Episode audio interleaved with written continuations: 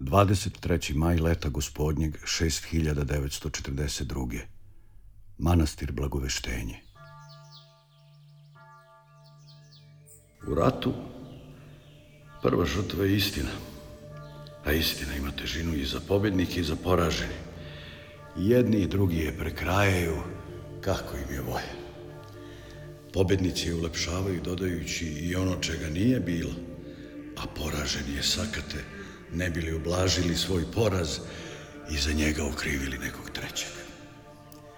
Zato se ja, ponizan pred gospodom monah Gavrilo na kraju svog životnog puta prihvatih da sačuvam istinu kakva jeste, ne bili naši potomci saznali šta je prethodilo krvavim događajima od 15. juna leta gospodnjeg 6897.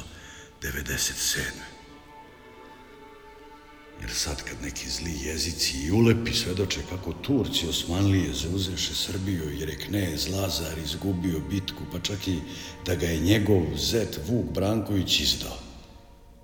A nije bilo ni jedno ni drugo. Nego je ljudska kol što čovek lako zaboravlja jer mu je za svoje nevolje uvek lakše drugog okriviti. E zato se ja, ponizan pred gospodom Mona Gavrilo u svojoj 89. godini života prihvatih posla, da sve svoje pisanije sakupim u tri knjige, jer samo mudrošću i dalekovidošću vračare Dragušle i na njen nagovor pisarih sve priče i događaji koje prehodiše Kosovskom boju onako kako se odigraše i čije sam svedok i učesnik bio.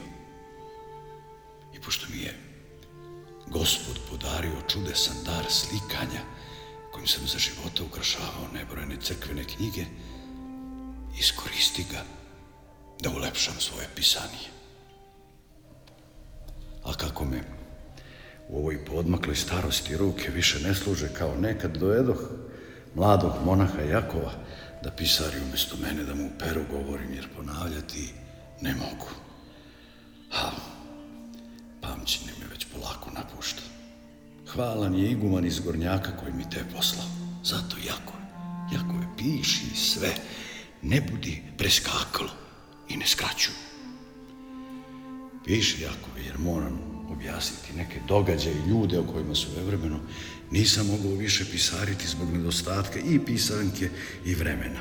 A ono sad dođe kao nekakav uvod u moje pisanije od pre 46 godina kad nisam ni od kakve su važnoće bili događaji koji su se nizali, ljudi i neljudi na tom putu koji je vodio krvoproliću i u naštvu, kako srpska zemlja nikad videla nije. Pošto znaš da noću ne spavam, sinoć uzeh to guče pero ne bi sam sastavio uvod za ove knjige, ali prsti ne mogaše da drže to lagano percem nego im ono izmiče kao da se poigrava njima i da im se ruga. Bacim ga srdito, očen što nešto tako lagano ne mogu više da držim. Ali nešto u meni mi ne dade mira, pa ispod slamarice izvukoh smo tuljak u kome držim svoju praćku i kratak mač. Uze mač u ruku, a on kao salive mi stoji, a prstima kao da se snaga vraća. Stegoh dršku, a nit se prsti bumne, nit se mišica zamara.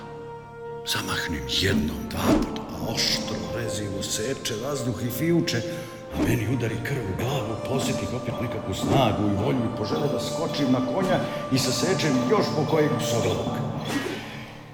Avaj, želje i starost ne idu zajedno pa ubrzo shvatih da se ne bi mogao ni na konja popeti, a kamoli psoglavog sasići.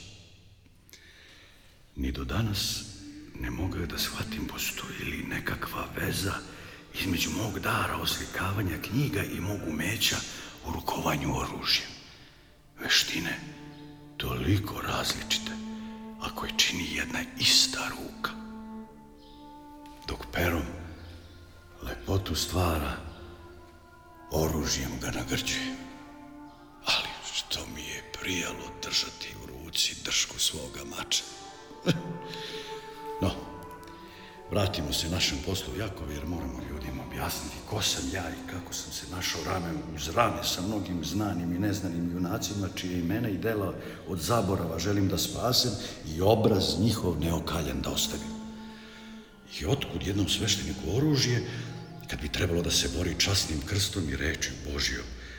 I kako da ljudi poveruju da sam jahao s knezom Lazarom, kraljem Markom, Vukom Brankovićem, Milošem Obilićem, I kako da ne pomisle da izmišljam kad kažem da sam pričao sa vilama i vilenjacima, s bogovima i demonima i da sam izlazio na Megdan psoglavima i todorcima. A sudbina je htela da moj život krene drugom putinom, drugačijom od većine ljudi i da na toj putljak spoznam istinu o svetu i istoriju kako malo ljudi poznaje. I dok se jedni time diče, drugi je kriju, jer istina nikad ne odgovara svima. Nekome je uvek bolno.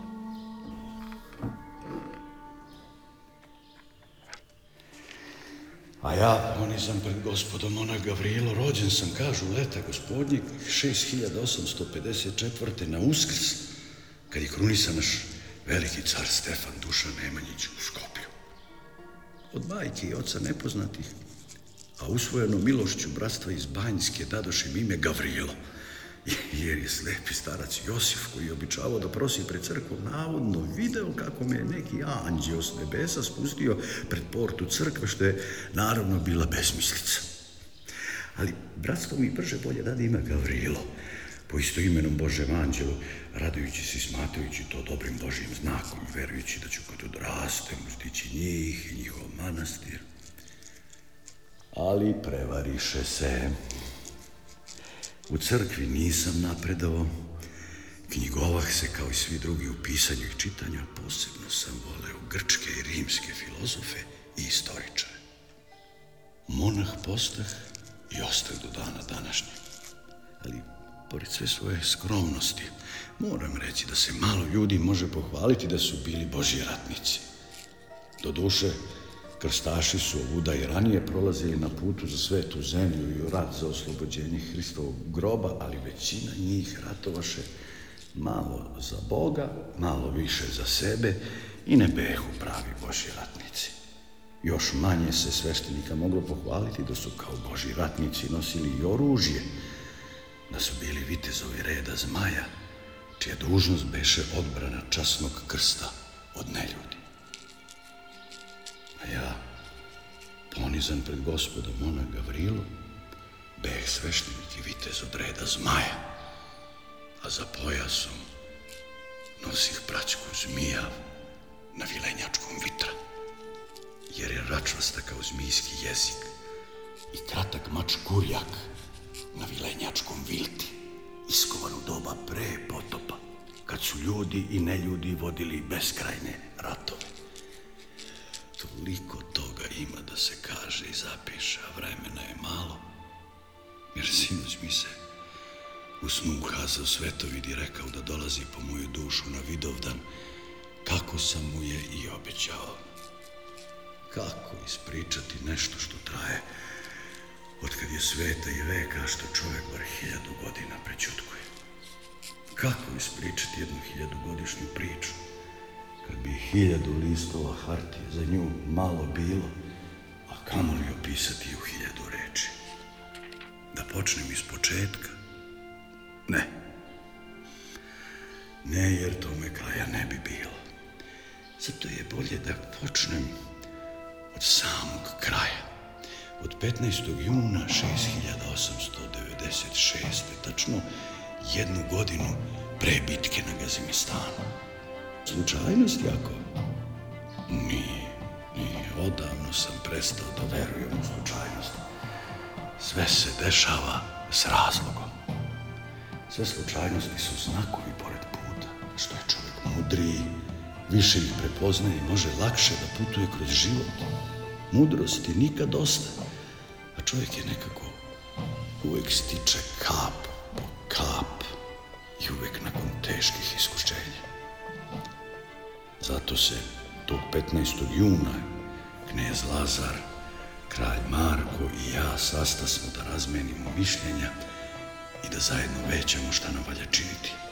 Jer događa istadoše brzo da se nižu kao kad klopko unice ispadne iz ruke i odmota se previše brzo da bi ga zaustavilo.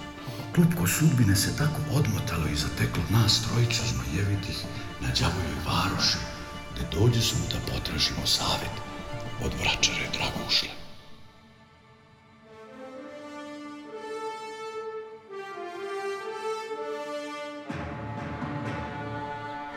Aleksandar Tešić Kosingas Red zmaja